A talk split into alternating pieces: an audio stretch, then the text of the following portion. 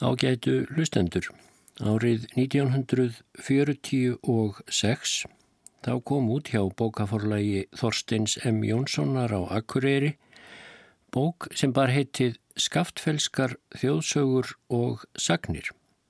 Öfundur Guðmundur Jónsson Hoffell.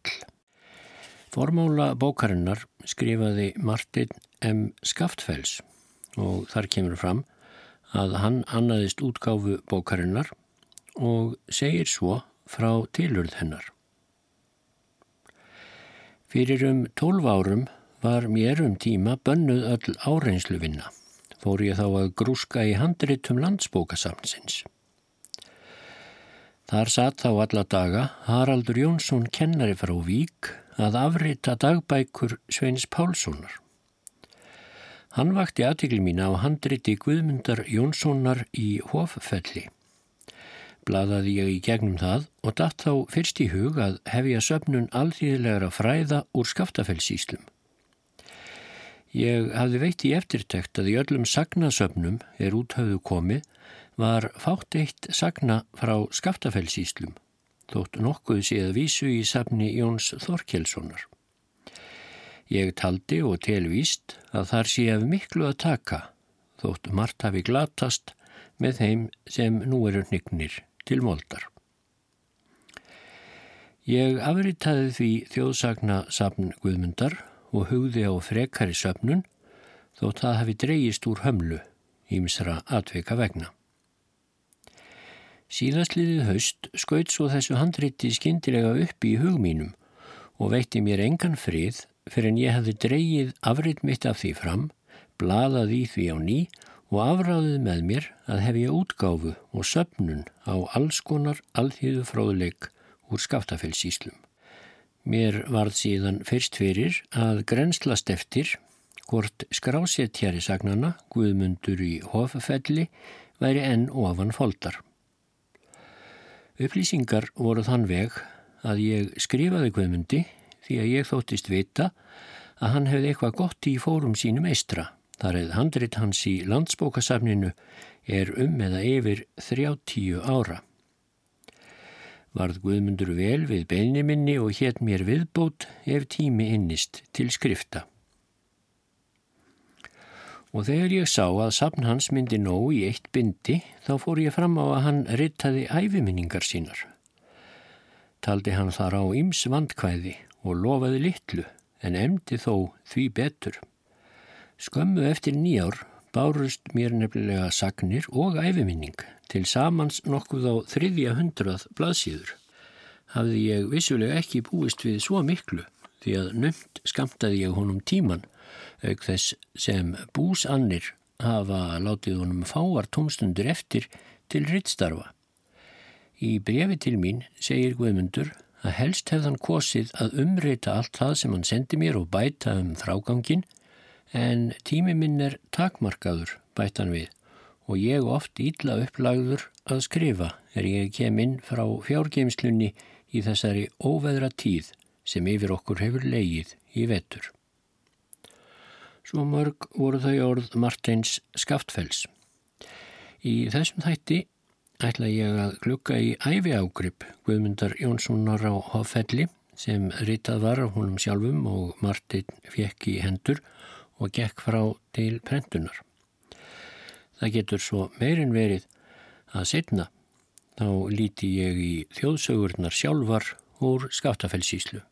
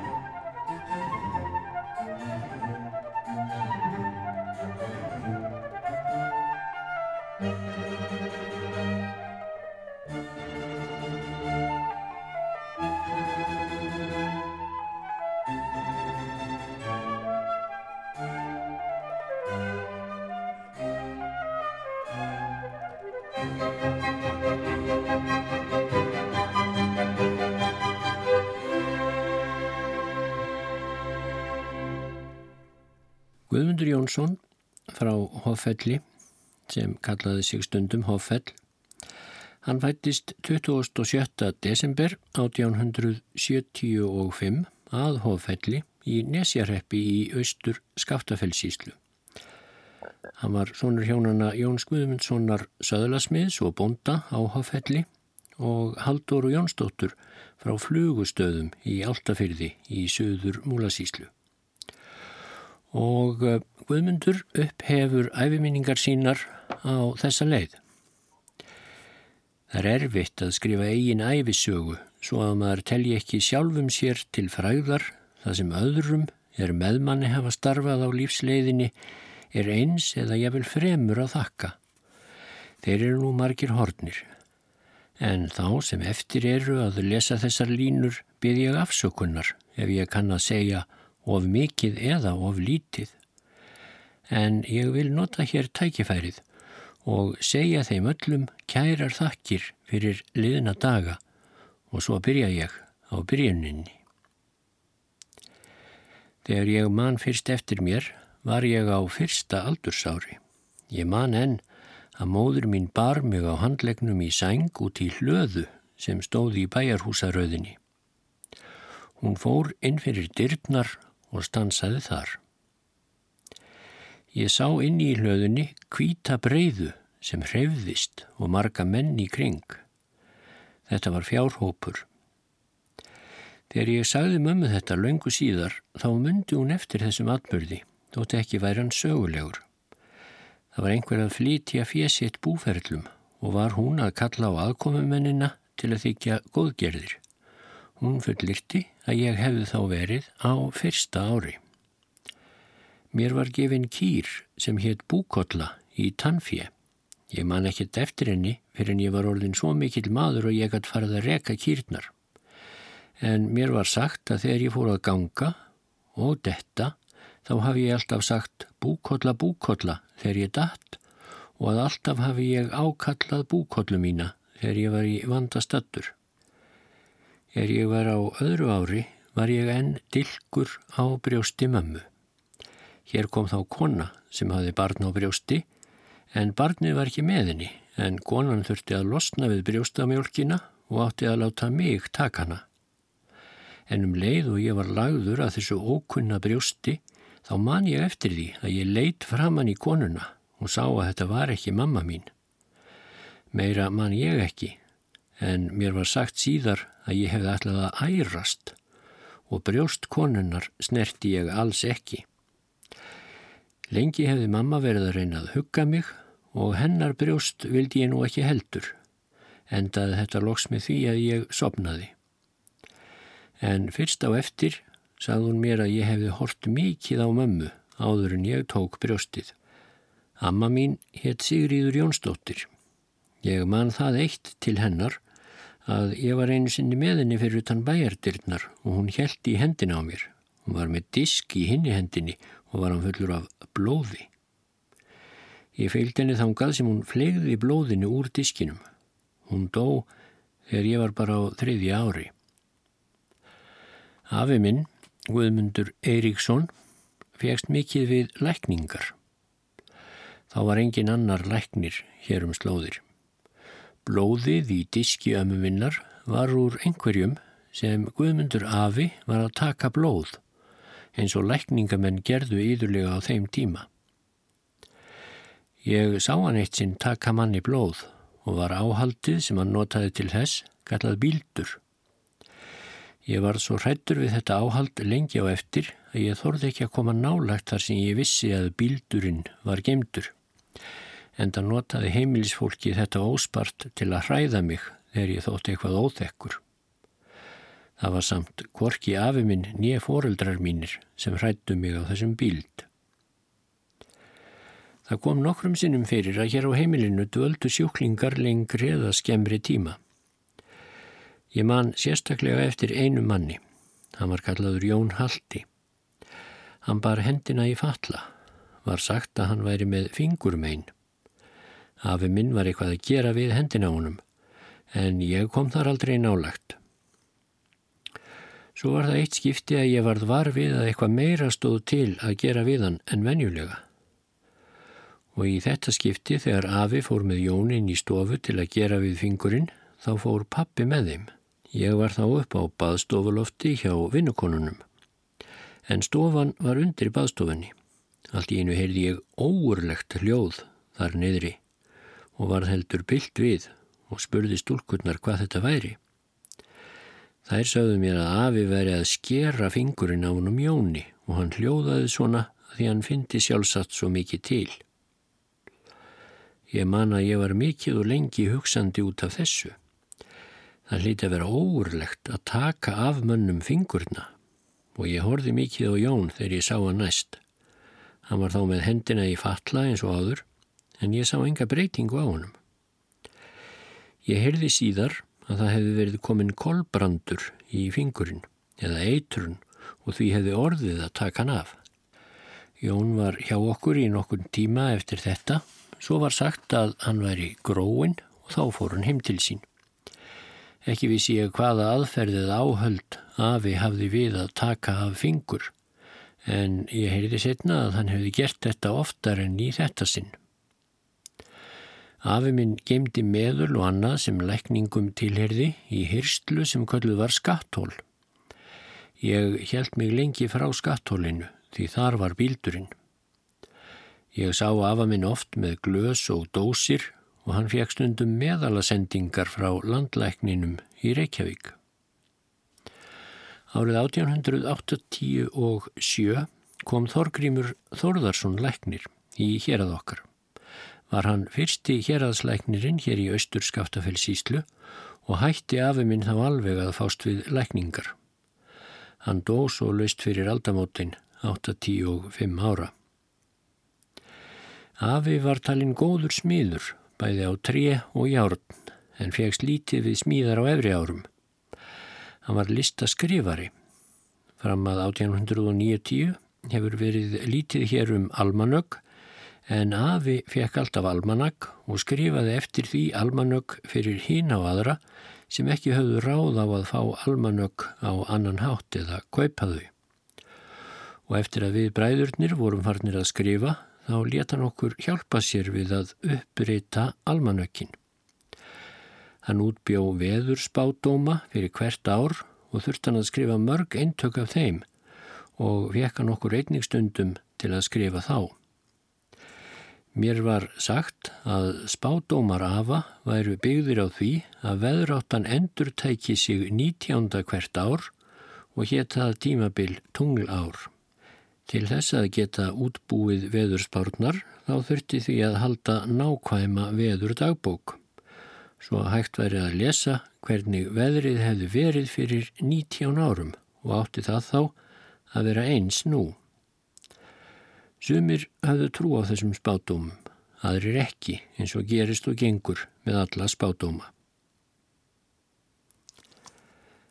Ég man að ég var hér út á hlaðvarpanum einu sinni. Þar voru stórar þúfur og mikið gras. Ég var að skrýða upp á þúfurnar til að ná í blóm sem voru uppi á þúfnakollunum en þúfurnar voru herri en ég. Svo valdi ég niður á millið þeirra og einhver kom til að bjarga mér. Þessar þúfur voru þær fyrstu sem pappi minn sléttaði í túninu þegar tekið var til við að slétta tún en ég mann lítið eftir því. Þá var rist ofan af uh, þúfunum með torfljá og stungið svo með rekum. Ég man aðeins hvað mér þótti hlaðvarpin fallegur þegar búið var að sléttan. Pappi minn sléttaði nokkra spildu og hverju ári upp frá því þar sem þúvurnar voru krappastar. Einsinni var ég hjá piltunum þegar þeir voru að pæla upp eitt flægið og voru þar stórar þúfur allt í kring og fannst mér vist eitthvað skrítið að skilja þær eftir og sagði hvenar á að sletta þessar þúfur. Sá sem næstur mér var svaraði það átt þú að gera þegar þú ert orðin stór. Og svo var það reyndar. Það er byðu mín, þúfurnar og ég varðu loks til að kollvarpa þeim. En þegar ég var þryggja eða fjögur ára þá var það eitt sinna Guðlaug frænga mín kom hingað með foreldrum sínum Við Guðlaug erum bræðrabörn. Ekki man ég hvort þetta var í fyrsta sinn sem ég sá hana. Hún var nokkuð eldri en ég að mig minnir tveim árum. En hún var svo dugleg og myndarleg og gata riðið einn og leiti ég því mjög upp til hennar. Því að ekki gati ég þá riðið einn og ekki einu sinni setið á hesti nema þá kannski ef hann stóð alveg kyrr. En Guðlaug vildi kenna mér að setja á hesti og hvort við töluðum um það fleiri eða færra, man ég ekki, en ég man að ég var allt í einu komin á hestbakk fyrir aftan hana og við ríðum af staði nýður traðirnar sem voru um hundrað faðma langar. Fyrst gekk allt vel, en það hæg ferðin að byrja með, en svo fór Guðlaug að herða reyðina. En ég hef sjálfsagt átt bátt með að halda jafnva einu og hún ekki varast það, því þegar við vorum komin neðarlegi í traðirnar, uldum við bæði af baki. Ekki man ég hvort við meittum okkur að ráði en ég fór allt jænt að skæla. Það man ég að hún fór að dusta af mér moldina því ég var allur moldugur og hún líklega líka og svo var hún að reyna að bæta úr þessu á allan hátt. Það hefur líklega sést til okkar að heiman því þetta tiltæki komst upp um okkur og fekk hún ávítur harðar hjá foreldrum sínum því henni var um kent en ég slappið allar ávítur í það sinn. Nú segir af bræðingi. Bræðingur var búin til úr tólk og lísi. Þetta feitmeti fjall mér illa, vægast sagt. Vinnukonurnar sögðu mér hins vegar að ég erði sterkur ef ég æti bræðingin. Björn bróður minn sem var eldri en ég hafði alla yfirbörði þegar við vorum að tuskast og nú sögðu vinnukonurnar mér að eina leiðin til þess að ég gæti ráðið við Björn væri ef ég ætti nóg af bræðingi. Því Björn ætti hann ekki og hann gæti því aldrei orðið verulega sterkur. Mér fannst nú sjálfsagt að fara að geta þennan bræðing en það gerði ég það þótt mér þætti hann afar vondur. Því sterkur vildi ég umfram allt verða. Svo var það einu sinni að konur voru hér aðkomandi, tvær eða fleiri og voru þær inn í baðstofu og þar var ég líka og var vist að bisa við eitthvað þar og að reyna kraftana eftir bræðingsátið. En þá heyrði ég allt í einu að ein aðkomum konan segir þetta er fjörugur og sterkur drengur og ég varði nú heldur betur upp með mér. Þegar ég heyrði ókunnu konan að segja þetta snýri mér að þeim og sagði ég er svona sterkur að ég get alltaf bræðing. Björn bróður minn er ekki sterkur, hann getur aldrei bræðing. Konurnar fóru nú allar að skelli hlæja og vinnukonan líka, en ég stóð alveg undrandi yfir því af hverju þær verið að hlæja þessu sem ég saði. En vístur um það að ég sá eftir að hafa sagt þetta. Vinnukonurnar sögðu líka frá hvað ég hefði sagt ókunnu konunum og allir á bænum hlóað þessu. En ég hefði heldur minni trú á bræðingnum eftir þetta.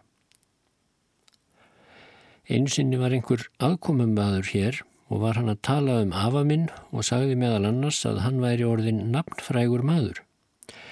Ég var nærstattur þegar hann sagði þetta og kalla þá upp og segi við erum báðir nafnfrægir við afi. Ég myndi að við værum nafnar og skildi það sem hann hefði sagt á þann veg en allir fóru nú að hlæja og spotta mig fyrir þetta og ég skammaðist mín svo mikið að ég fóru og faldi mig. Og svo var verið að erta mig á þessu lengi á eftir og ég fóru að gæta mín betur þegar ókunnugir komu til að verða mér ekki til skammar. Hér á heimilinu var gamal maður sem Þorlákur hétt. Hann var niðursetningur og blindur. Hann fekk okkur björn bróður minn, annan eða báða, til að fylgja sér út þegar gott var veður og stundum út á tún. Honum var létt um að ganga, gaf hann okkur þá venjulega kandísmóla þegar við komum aftur. Kandísin gemdi hann í tréstauki í kistu sinni. Þorlákur átti einhverjar kindur og var það einu sinnu um vetur að hann byður okkur bræðurna að koma með sér út í fjárhús til að skoða kind sem hann átti og sennilega hefur verið nýkomin einhver staðar að. Í það skipti var gamli maðurinn kendur og kom það reyndar oftar fyrir en aldrei sá ég hann þó verulega drukkin. Nokkur svell voru á leiðinni úti í fjárhúsin, við leittum hann og gekk okkur vel að koma hann um þangað. Við þekktum kindina og eh, leittum hann til hennar og hann þreyfaði svo um hana hátt og látt og var mjög ánægur. Og við lögðum á stað aftur heimleiðis. En þegar við komum á svellið þá datt hann killi flattur og lág alveg kyrr. Við reyndum allt sem við gátum til að fá hann aftur á fæturna kölluðum á hann og tóguðum í hann og reyndist það allt árangurslaust og álitum við því að hann hliti að vera döður. Fóru nú Björn heim til að láta vita hvernig komið væri en ég satt eftir hjá gamla manninum á meðan. Og ég man vel eftir að hann láð þarna lengi endi langur á svellinu en ég að spíkspora í kringum hann. Þegar Björn kemur heim Þá fer hann til pappa og segir, nú er Þorlákur döður, sagðan svo ennfremur frá því hvernig þetta atvikaðist. Pappi kom svo með bytni en þá var Þorlákur reyndar fann að lifna við og fannst mér víst ekkert aðtöfuvert við það þótt menn rísu þannig upp frá döðum og lifði Þorlákur nokkur ár eftir þetta.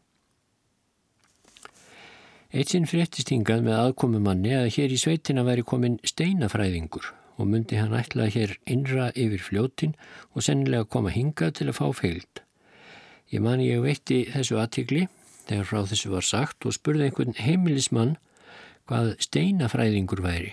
Ég fekk það svar að steinafræðingur væri lærður og mikil maður sem þekkti alla steina og sapnaði steinum og ef hann næði í krakka sem alltaf væri að grúska í steinum og bera þá inn í bæ, þá tækja hann steinana og krakkana með. Mér leist nú ekki á blikuna. Ég hafði nefnilega sapnað að mér allavega litum steinum og amaðist fullorna fólkið oft við því þegar ég kom með grjótiðin í bæ eins og það komst að orði. Mér varðu nú fyrst fyrir að reyna að bjarga einhverju af steinunum áður en þessi óurlegi maður kemi. En nú heyrði ég sagt að sæjist til ferðamanna og myndi það vera steinafræðingurinn óurlegi. Ég hafði hugsað mér að verða ekki á vegans og faldi mig fyrir ofan garð. En þaðan sem ég var gæti ég gegst yfir garðin og séð út á vegin. Það var nokkur þyrping á veginum og þegar hún nálgæðist sá ég að þar voru að minnstakosti þrýr menn með eitthvað af lausum hestum en svo við kópurinn allt í einu af brautinni sem lág hingað heim og fór fyrir neðan bæin og þá vissi ég að hættan var liðin hjá fyrir mig og steinana mína og þóttist ég hafa vel sloppið að hinn skjelvilegi steinafræðingur skildi ekki hafa komið heim á bæ. Hér kom einn maður sem kallaður var Lúðvík Snikkari. Pappi fekk hann hinga til að smíða eitthvað fyrir sig. Mér minnir það vera borði í stofuna. Ég var þá fjári eða fimm ára. Lúðvík var að vinna við þetta í stofunni og ég var þar hjá honum og horfi víst mikið á það sem hann var að smíða. Hann var að tala við mig og spurði mig hvort ég ætlaði að verða smiður. Nei, saði ég. Nú þú ætlar þá að verða bondi, saði hann. Nei, saði ég aftur. Prestur þá, spurði hann. Nei, því síður. Taldi hann svo upp eitthvað fleira en ég neytaði alltaf. Síðast sagðan, nú hvað viltu þá verða? Ég vil verða göngumadur, sagði ég. Göngumadur, tók hann upp eftir mér aftur og aftur. Það var skrítið. Hann skildi ekki hvað ég meinti og af því hann tók þetta svo oft upp eftir mér, þá hefur mér orðið að minnistætt. Hér í Hoffelli hafa verið og eru miklar fjallgöngur Ég man ég var oft hrifin af frásögnum göngumannana þegar þeir komu heim úr fjallgöngum og ég beð þess með óþreyju að verða svo mikil maður að ég fengi að sjá inn í þessi ævintýra lönd í sveitunum upp að bænum. Fyrst þegar ég man eftir mér, þá var hér líka gömul kona sem Yngibjörg hétt. Ég man að hún lág í rúminu en að öðru leiti man ég lítið sem ekkert eftir henni. Við Björn bróður minn sváfum saman og var skinnfeldur, þar að segja tvö söðskinn svörta lit, saumuð saman og hafðu verið hert með öllinni.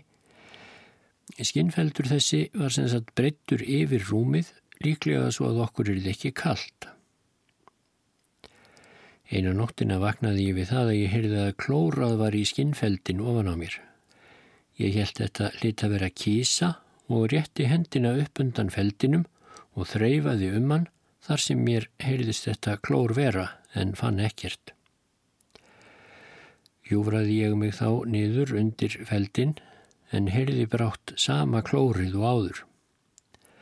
Reys ég þá alveg upp til að leitaði kísu því mér datt enn ekki annað í hug en þetta væri hún en það var kísa stundum vön að vera í rúminni hjá okkur. En svo verður mér litið fram á gólfið og sé ég þá kvítan strók á gólfinu skamt frá rúminu að mig minnir á stærðu við lítinn kvennmann. Ég hef líklega orðið hrættur. Ég man að ég flýtti mér að leggjast fyrir og dró feldin upp yfir höfuð og sopnaði síðan. Þessa nótt dó Yngibjörg gamla.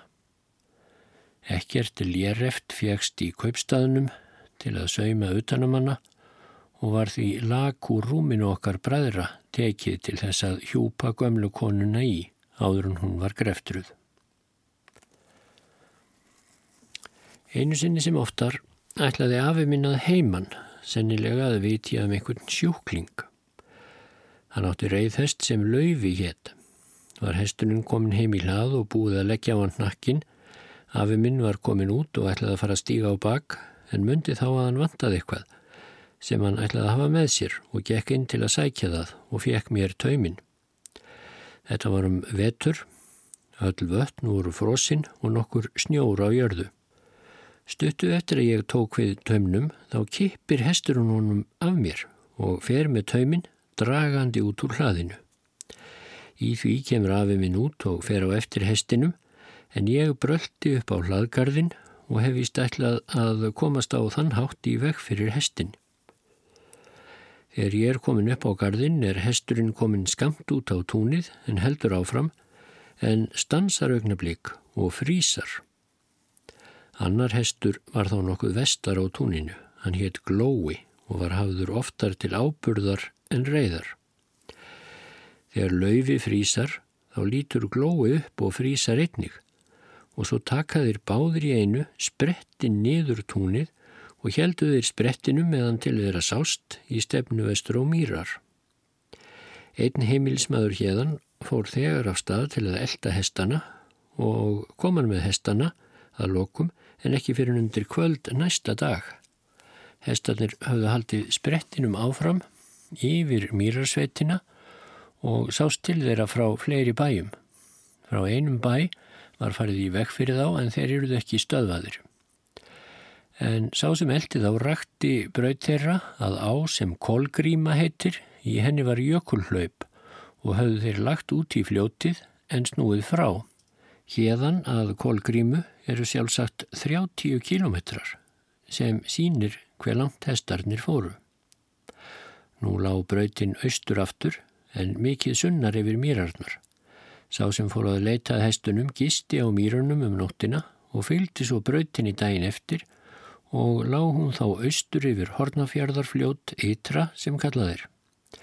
Þennan morgun fóru smalar frá Árnanissi til Sauða upp undir fjöllin. Eru þá hestarnir þar með útigöngur hossum hérðan sem þá voru á útigangi í Árnanisslandi. Er laufi þá enn með nakkin og beislistaumin dragandi og óslitinn.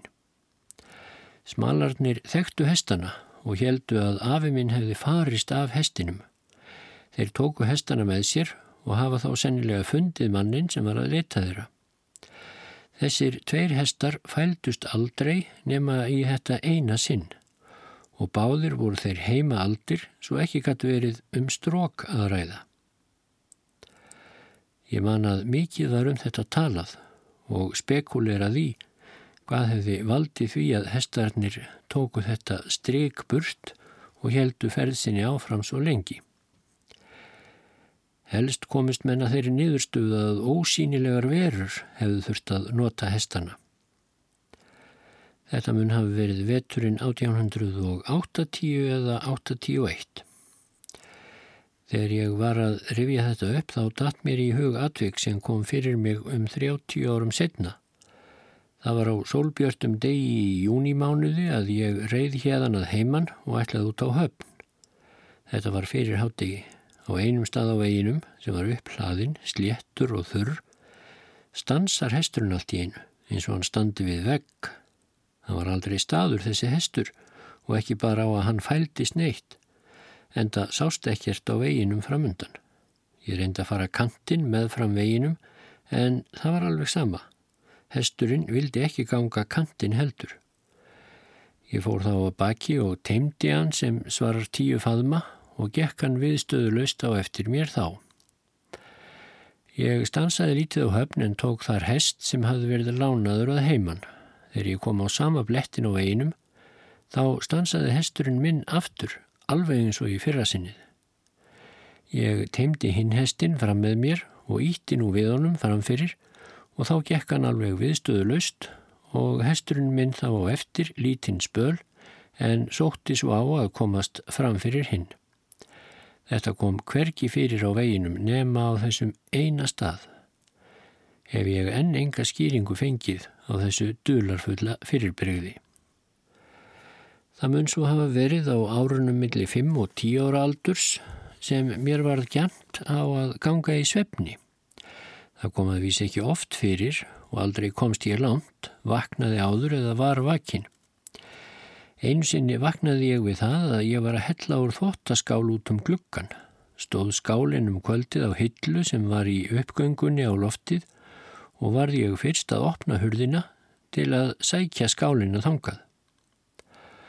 Öðru sinni var það að Björn bróður minn vandaði annan skóin sinn einn morgun þegar hann fór að klæða sig. Skóin tók hann af sér um kvöldið þegar hann háttaði en hann fannst svo hverki hvernig sem leitað var fyrir um kvöldið að búið var upp rúmið okkar. Var skórin þá undir kottanum mín megin og golfþurkan líka. Var einnig búið að sakna eftir henni. Þótti þá augljóst að ég hefði farið á fætur um nóttina og flutt þessa muni undir höfuðu á mér. Ráðgjert var að setja vass ílát fyrir framann rúmið mitt sem ég myndi þá stíga í ef ég færi á kreik en aldrei varð samt af því. En það er gamalt og talið gott ráð við því að ganga í svefni. Stýgi fólk ofan í kallt vatn þegar það fer fram úr rúminu sofandi þá er sagt að fólk vakni en vass í látinu á að koma fyrir eftir að fólk er sopnað því fólk má ekki vita af því sjálft. Mér var sagt að Jón föðurbróður minn sem var búndi í Þinganesi hafi oft gengið í svefni þegar hann var ungur og hér hjá foreldrum sínum. Einu sinni vaknaði hann þegar hann var komin heimað túngarði með hrossin úr haganum og reið sjálfur hrissu einni sem aldrei náðist, ella. Var hann með snældustokkin hennar mömmu sinnar í hendinni. Þegar ég mann fyrst eftir mér, þá var hér á hoffelli vinnukonna sem Þurýður hétt og var Jónsdóttir. Hún var endar dóttir Yngibjargar þeirrar sem ég sagði frá áðan og andaðist í bænum sömu nótt og ég taldi mig sjá strók í baðstofunni. Þurýður var annars ættuð hérðan úr austur Skaftafellsíslu. Hún var búin að vera víða áður en hún kom hingað og hér var hún svo til döða dags. Hún lifði nokkuð fram yfir síðustu aldamót 1900 þá orðin gömul. Þurriður var fróðum marga hluti og kunni mikið af sálmum og andlegum ljóðum. Passíu sálmanna kunni hún alla. Einnig kunni hún mikið af rýmum og söng þær oft í rökkrinu þegar hún var að spinna. Skapstór var þurriður og óhlífin í orðum ef hún reyttist. Hún var hagmælt og man ég og hún hvað oft vísur um okkur sískinin, en flestar munu þær nú glemdar. Ég ætla þó að setja hér eina sem hún hvað um mig þegar ég var ungur. Guðmundur er góða barn, Guðmundur er hljóðagjarn, Guðmundur er geðhægur, Guðmundur er óþægur. Stundum bjón til vísur fyrir okkur börnin þegar við vorum að kveðast á átti vísan sem hveðin var á móti að byrja á þeim stað sem hinn endaði á og þá var maður hveðin í kútin ef ekki var til vísa með þeim upphafstaf sem hún endaði á. Voru því vísur með bókstafnum X í byrjun eða endi, vel þegnar og afar eftirsóttar í þeim leik. Ég man einast líka vísu sem við fengum hjá þurriði. Exið þykir ágætt hnoss, ákvæða þá hríðin vex, brúðir egnast besta koss hjá brögnum ef þær lána ex. Og margar af þeim þjóðsögum sem ég hef skrifað upp um æfina eru eftir frásögn þurriðar að meiriða minna leiti. Þurriður var talinn skegn og rættist ekkert. Hún saði mér margt um fylgjur, aðsóknir og afturgöngur. Hún sagði að oft kemi það fyrir þegar einhver hefði ákveðið ferð en hætti svo við að fylgjan færi eigi að síður á ákvörðunarstaðin og gerði vart við sig og þannig hefði hún einat orðið vörfið fylgjumanns sem ekki hefði svo komið en komist að því síðar að hann hefði ætlað að koma en ferðin farist fyrir. En fylgjum var, sagðun, illa við að vera narraðar þannig og þær hemdu þess á þann hátt að láta öllum íllum látum á heimilinu sem þær væru frá og gerðu þar jafnvel einhvern óskunda. Ég man sérstaklega eina frásögn þurriðar um eh, slíka fylgju. Hún átti heima á Heinabergi á Mýrum. Ákveð var að hjón frá bæ einum hér í Nesjum færu í útreið með einhver af börnunum sínum, vestur að Heinabergi. Var ferðin ákveðin á sunnudegi um hásumarið. Þessum hjónum fylgdi rauð skjöldótt nöyt. Sunnudagsnóttina varð vart við nöytið í Heinabergi heyrðist bölvið í því kringum bæin og fór það ég vel upp á bæjarhúsin en ekki man ég hvort þurriður sagði mér frá því að hún hefði séðað í það skipti. En gestirnir kom ekki daginn eftir, var það veður eða eitthvað annað sem hindraði ferðina. Hún sagðist að var fréttað síðar að nóttina eftir, mánundagsnóttina, hefði nöytið látið svo ítla á þessum bæ sem það var frá að engum hefði komið dúra á auga fyrir látum í nöytinu og heimilsfólkið búist við því á hverju stundu að nöytið myndi ég vel brjóta nýður baðstofuna, svo mikið gekk á. Þurriður saði mér að auk tveggja fylgna sem héttu Otrún og Skupla og hún saðist oft verða vörfið, þá fylgdu mannum íms ættmennið þeirra sérstaklega þeir sem farist hefðu vofeiflega, svo sem fyrirfari sér, druknað, orðið úti eða farist af einhverjum slísum.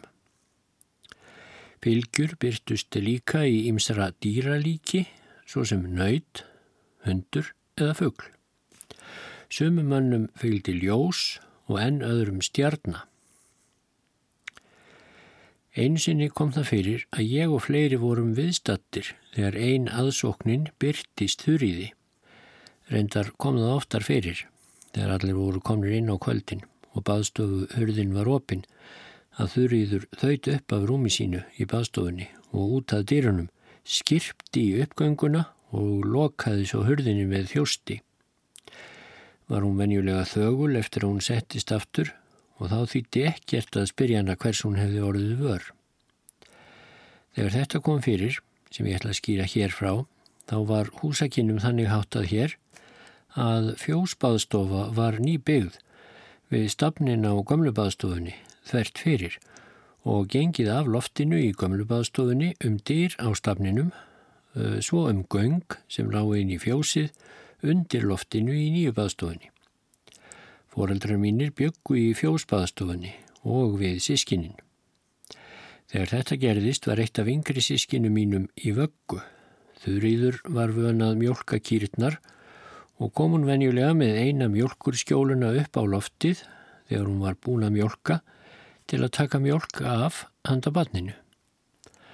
Nú var það eitt vetrarkvöld að hún kemur með mjölkina eins og vandir upp á loftið. Skilur hún skjóluna eftir við dyrnar opnar og sækir mjölkurkönnu sem stendur á borði innar á loftinu, hellir úr skjólunu í könnuna, lætur hana inn á borðið og gengur aftur til dýrana og beigir sig niður til að taka skjóluna, en lítur víst um leið niður í göngin sem ljósbyrtan af loftinu lísti upp að nokkru því hurðin var opinn.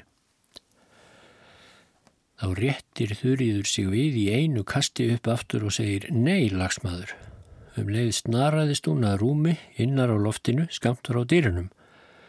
Undir því stóð koppur og var vist ekki laust við að eitthvað væri í koppnum. Þreif hún nú koppin og skvetti öllu því sem í honum var niður í göngin. Þurriður gamla var daldið höllt af gikt þegar harna var komið sögu, gikt í mjöðminni. En í þetta skipti gekk hún alveg óhöllt, það sá allir. Þegar hún hafi skvett úr kopnum niður, þá flegði hún honum á golfið og snaraðist niður stígan en skildi mjölkurskjóluna eftir. Öllum sem inni voru varð hvertið og fjallust hendur og við Björn bróður minn fórum fram að dyrunum til að gá að hvað hefði orðið af þurriði og hvað hefði eiginlega gerst í göngunum. Var hún þá komin inn í fjós og heyrðum við þar mikinn háfaða í henni en ekki orða skil en heyrðum að hún helt áfram með sama háfaða út úr fjósinu, opnaði út í dyrnar en lokaði þeim strax aftur og kom svo tilbaka upp stegan. Þar tók hún mjölkurskjóluna og fór með hana fram og niður í búrið. Þegar hún kom upp í stegan spurðum við hana hvað hefði eiginlega komið fyrir en hún ansað okkur engu. Og lengi var það um kvöldið að hún ansað ekki þótt á hana væri yrt. En við vorum áfjáður í að fá að vita eitthvað eins og unglingum er títt af aldrinum 10 til 12 ára. Að lokum sagði þurriður okkur að hún hefði séð nokkuð í göngunum en sagði okkur ekki meir um það, það kvöldið. Dægin eftir sagði hún okkur að hún hefði séð í göngunum mann okkur og hefði það verið maður sem hún þekkti áður en hefði fyrirfarið sér fyrir nokkurum árum. Þegar ég ætlaði að taka mjölkur skjóluna, sagði þurriður okkur, þá þekkti ég snjáldrið á honum þar sem hann var að góna upp á loftið. Við spurðum hvort nokkuð hefði verið í kopnum Já, hann var halvur á hlandi og ég skellti því alveg yfir hausin á honum. Og hvað gerði hann þá, spurðum við. Hann hörfaði undan hlandinu og inn í fjós og ég fór á eftir honum og sá hann aftur í fjósinu og fylgd á eftir honum og rak hann út úr dyrunum og uh, út.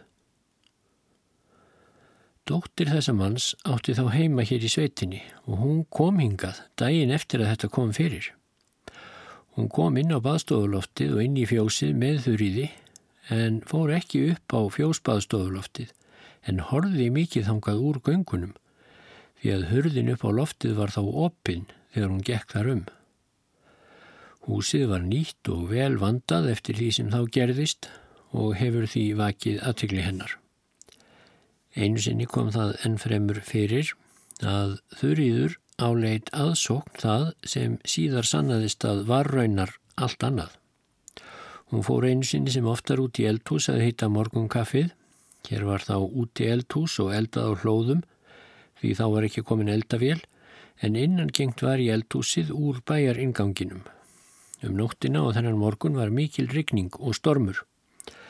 Þegar þurriður kom inn með ketilinn var hún ofennju fasmikil og segir Það var ljóti aðgangurinn í eldhúsinni í morgun. Sá eða þeir sem eiga þá aðsókn eiga vist eitthvað brínt erindi hingað og þá líka í þessu ílviðri. En þeim tóks nú samt ekki að reka mig úr eldhúsinu. Ég fór ekki fyrir en ég var búin að hitta á kallinum. Spurðum við hana hvað hún hefði séð. Ég sá ekkert, sað hún, en ég heyrði að komið var upp á eldhúsið með svo miklum djöfulgangi að brakaði í hverju treð og raftar koma aftan undir mig út að hlóðunum og gat koma á stafnin svo að ég sá út um vekkin. Við fórum nú að aðtuga hvaða gerst hafði og sáum að það var rétt sem hún sagði að gat væri á stafninum og raftabrót lágu á gólfinu við hlóðurnar og hafðu raftabrótin kastast tangað eftir endilöngu húsinu um tíu álnir. Sumir álítu að þetta væri eitthvað yfirnáttúrulegt en aðrir vildu nú kenna storminum um. Í norður enda eldhúsins var taðið sem haft var til eldiviðar. Geil hafði verið tekin með austruvegg og fyrir stafn. Taðstakkur stóð því með vesturliðinni og náði hann upp í þak. Síðar um veturinn heyrðist eitt sinn frá eldhúsinu dingur mikill, engin var þá þar inni. Var farið aðtuga hvað um væri að vera. Láð þá steitn á eldhúsgólfinu um 200 pund að þyngd eða 100 kíló og þar með var gátan ráðinn hvað orsakaði gatið á eldhústafninum. Steitnin hafði losnað úr fjallinu í oveðrinu, kastast á klakasvaði allarleið niður túnið og í gegnum eldhústafnin. En svo hafði kastið verið mikið á honum eftir að hann kom í gegnum stafnin að hann fór yfir geilina við stafnin og skáhalt gegnum mænin og upp á taðstakkin. En það dætt engum í hugað leita þess sem orsakaði gatið á stafninum þar. Steinin hafði lent á einni sperrunni í vesturliðinni, rekið hann að langt úr skorðum og grafist þar fastur í taðstakkin en fjall svo niður þegar all mikið hafði verið undan honum tekið taðið, það sem brent var og var hefni að ekki varð slís að þegar steinin losnaði. Og hefði steinin komið beint gegnum eldústafnin þá hefði þessi aðsóknað líkindum reyðið þurriði að fullu þar sem hún satt við hlóðirnar. En þetta atvik sínir hver óvenjulega kjarkmikil hún var. Ekki man ég að Þurriður segði mikið frá því að hún yrði vörfið huldufólk, en hún hafði trú á því að það væri til. Hún gatt þess eitt sinn, er hún kom til kuna hérna, að með þeim hefði verið grá kýr, en kýrin hefði verið rófulös og myndi hafa verið huldukýr. Ég tel víst að hún hafi haft ótrú á því að tala mikið um huldufólk og svo mun hafa verið um fleiri skegna menn en þeir voru um allar sveitir í þá daga.